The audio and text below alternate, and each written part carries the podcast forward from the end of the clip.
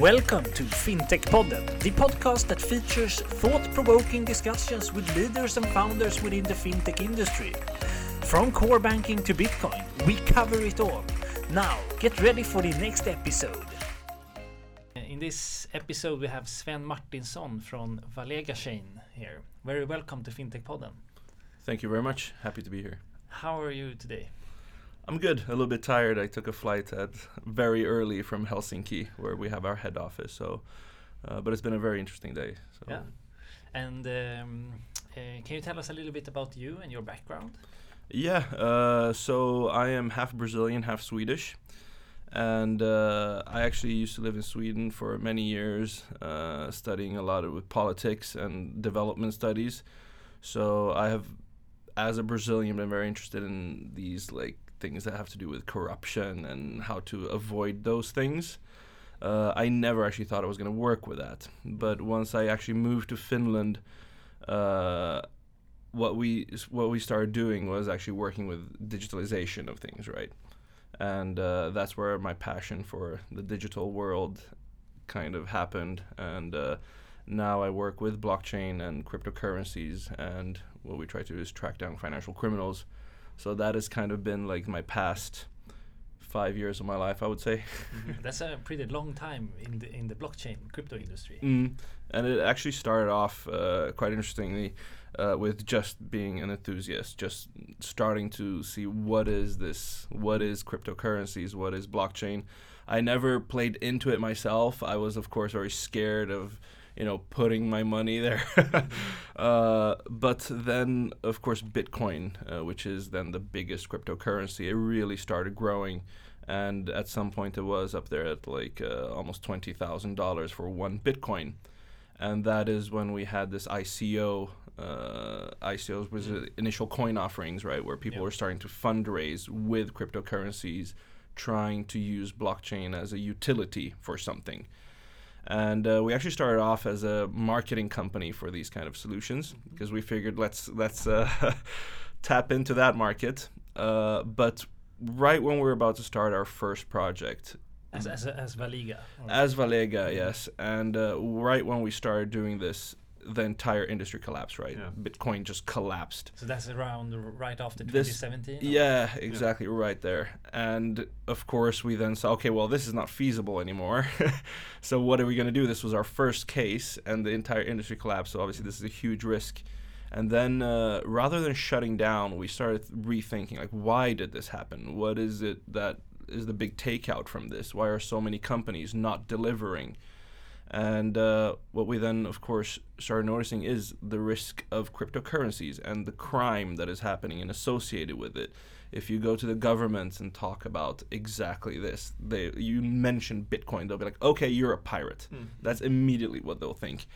And we figured, why is this stigma so hard? And there must be a way to filter out these criminals.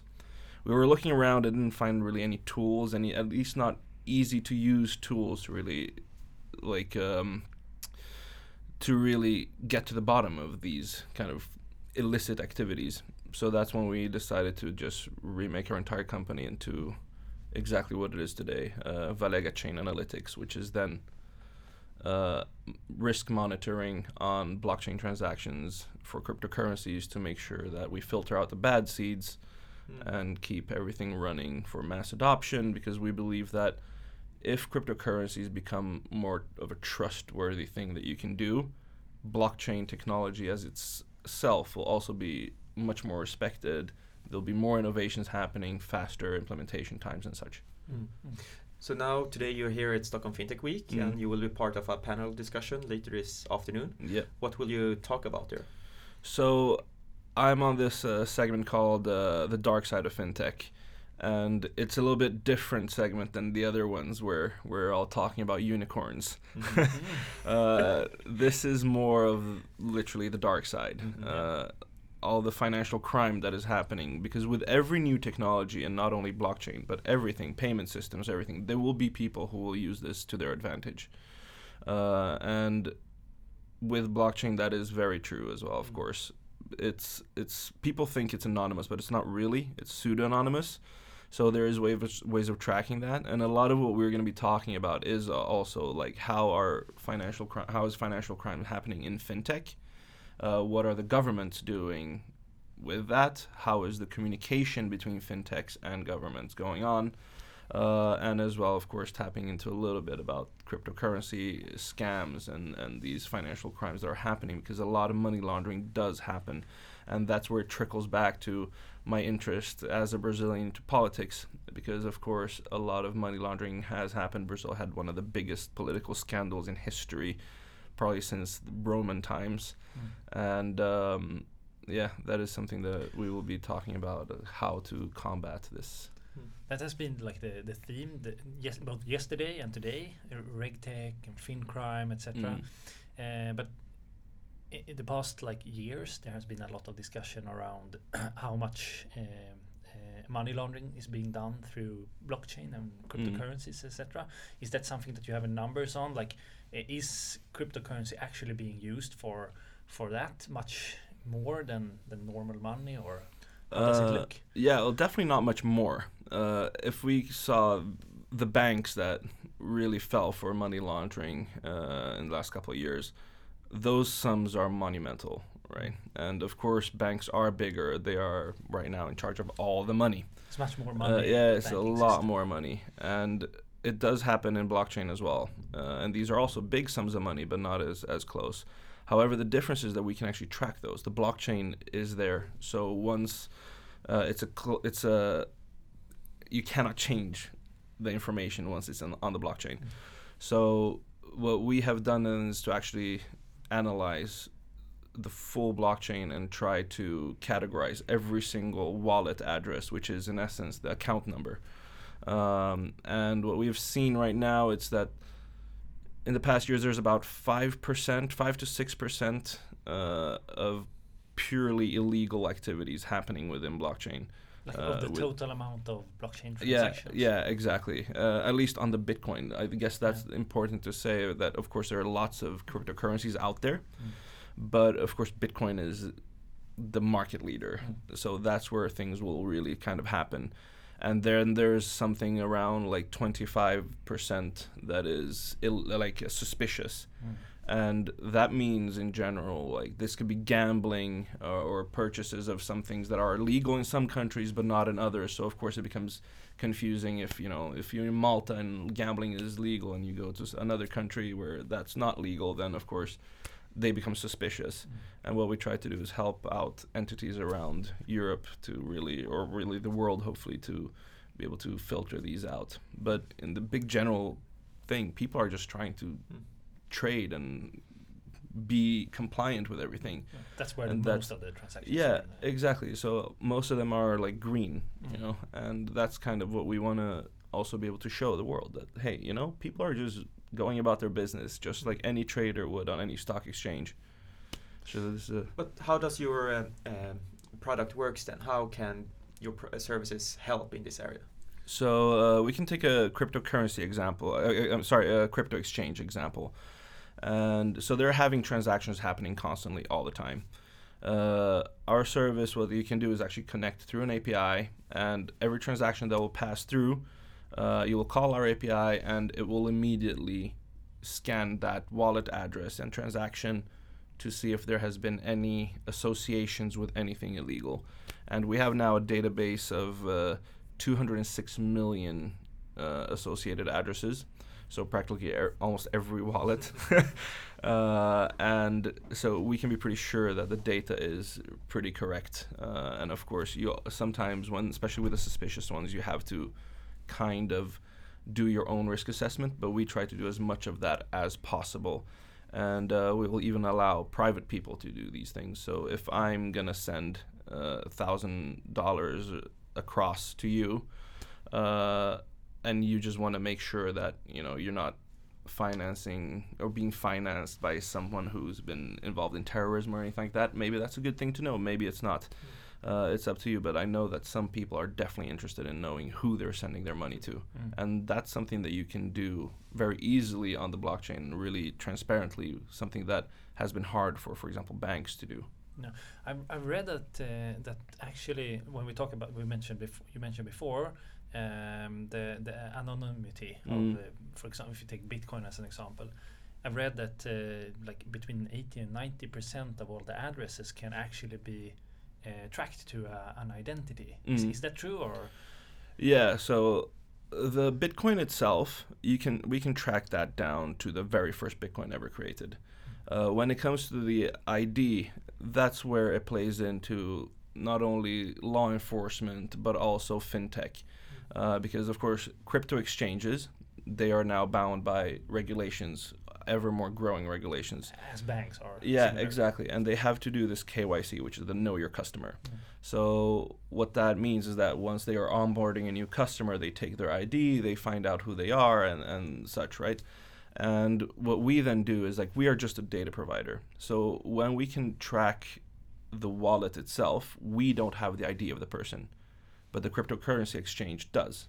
So if we do see that a wallet has been involved in something dodgy, Hmm. then what we try to do at our best capability is to actually find out which exchange this wallet has gone through Mm. in the world and then we provide that information and hopefully then the police can then just do their job get a warrant or whatever it is and then find out who and contact this exchange and then find out who this person actually is and you know probably help along the way so it is pseudo anonymous Mm. so you'll always be able to track the wallet, not not necessarily the person itself, until you know that this person has done gone through this know your customer process.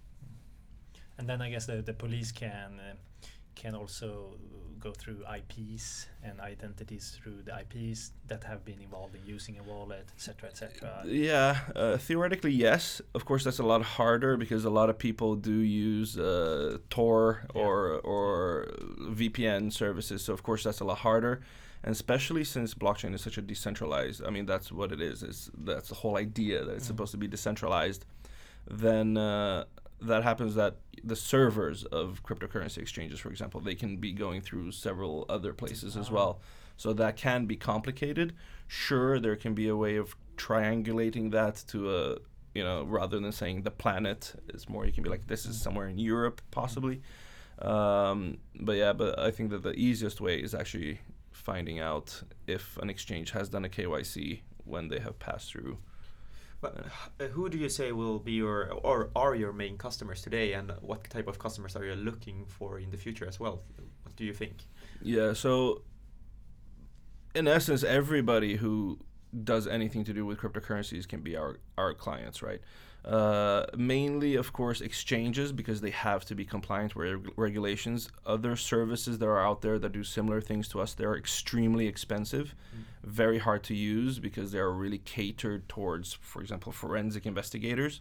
What we have done is we've tried to simplify that as much as possible and automate as much as possible, as well as give um, a more personal uh, service to our clients if they are like cryptocurrency exchanges or even companies who are starting to accept cryptocurrencies as payment methods, which is getting more and more uh, as regulations start happening.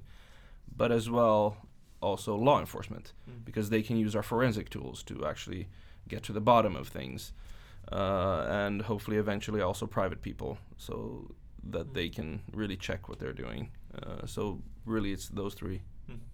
Uh, and um, looking into the future, what what do you think about the future in this um, industry, the, the blockchain and Mm. trading and and uh, and the whole fin crime scene? Do you think there will be much more uh, like uh, oversight and much more green exchanges, or will it expand uh, uh, the, the the fin crimes? Or Yeah, I definitely think. Uh, I mean, you know, we we're not going to stop blockchain, No. and we're not going to stop the trades happening because if let's say every single government shuts down every single exchange, people will just start trading peer to peer with each other Mm. because you can do that. Uh, then of course the value of what Bitcoin can be might change in that case, but you know people can still find ways around this. Uh, what I think the the thing in the future will be when banks really come in. Uh, we were doing research uh, with many banks around Europe and asking them a question: Do you really know who your customer is? Because you know you're onboarding them, but you're not asking the vital question of like, do you have virtual assets like crypto? Do you own cryptocurrencies? We have several banks who are saying, yeah, but we don't. We will never accept people using cryptocurrencies as customers, or our employees are not allowed to use cryptocurrencies. And like, but how do you know? Because they can still lie about it and you know the money that is all of a sudden coming into the bank accounts they can make up some stuff and say oh well this was this marketing company i did something with or whatever. But that's actually cryptocurrency money. Hmm. So a lot of people who are trading with cryptocurrencies they're just trying to be legit. They're just trying to trade. So if they have that question do you have virtual assets? and they say yes and you know you just give out that wallet address to the bank so that they can do a very quick check and see that you're green. Mm-hmm. Then of course this is a much nicer way to adopting a new technology as well as promoting mass adoption listening to the people because a lot of people do want to just trade mm. right? And then you create this more positive way about it and then I think that governments will fall in line as well, and there will be more initiatives on how to combat that. Because once you bring in the banks, insurance companies, pension systems, it can really become something. And I think that uh, a big part of it is, of course, having good communication and not waiting too long. Because a lot of it has been also, you know, you contact somebody there and you try to tell them, oh, but hey, we have found this this scam. You should know about this. I know that. Um, one of the the panelists here, which is Safello, they will also talk about scams that have that they've tracked down and still nothing went through. No, no one did anything because of the lack of knowledge. So I think that that's that's the way to go in the future. And once we have that, I think it's going to be a very easy ecosystem to work with.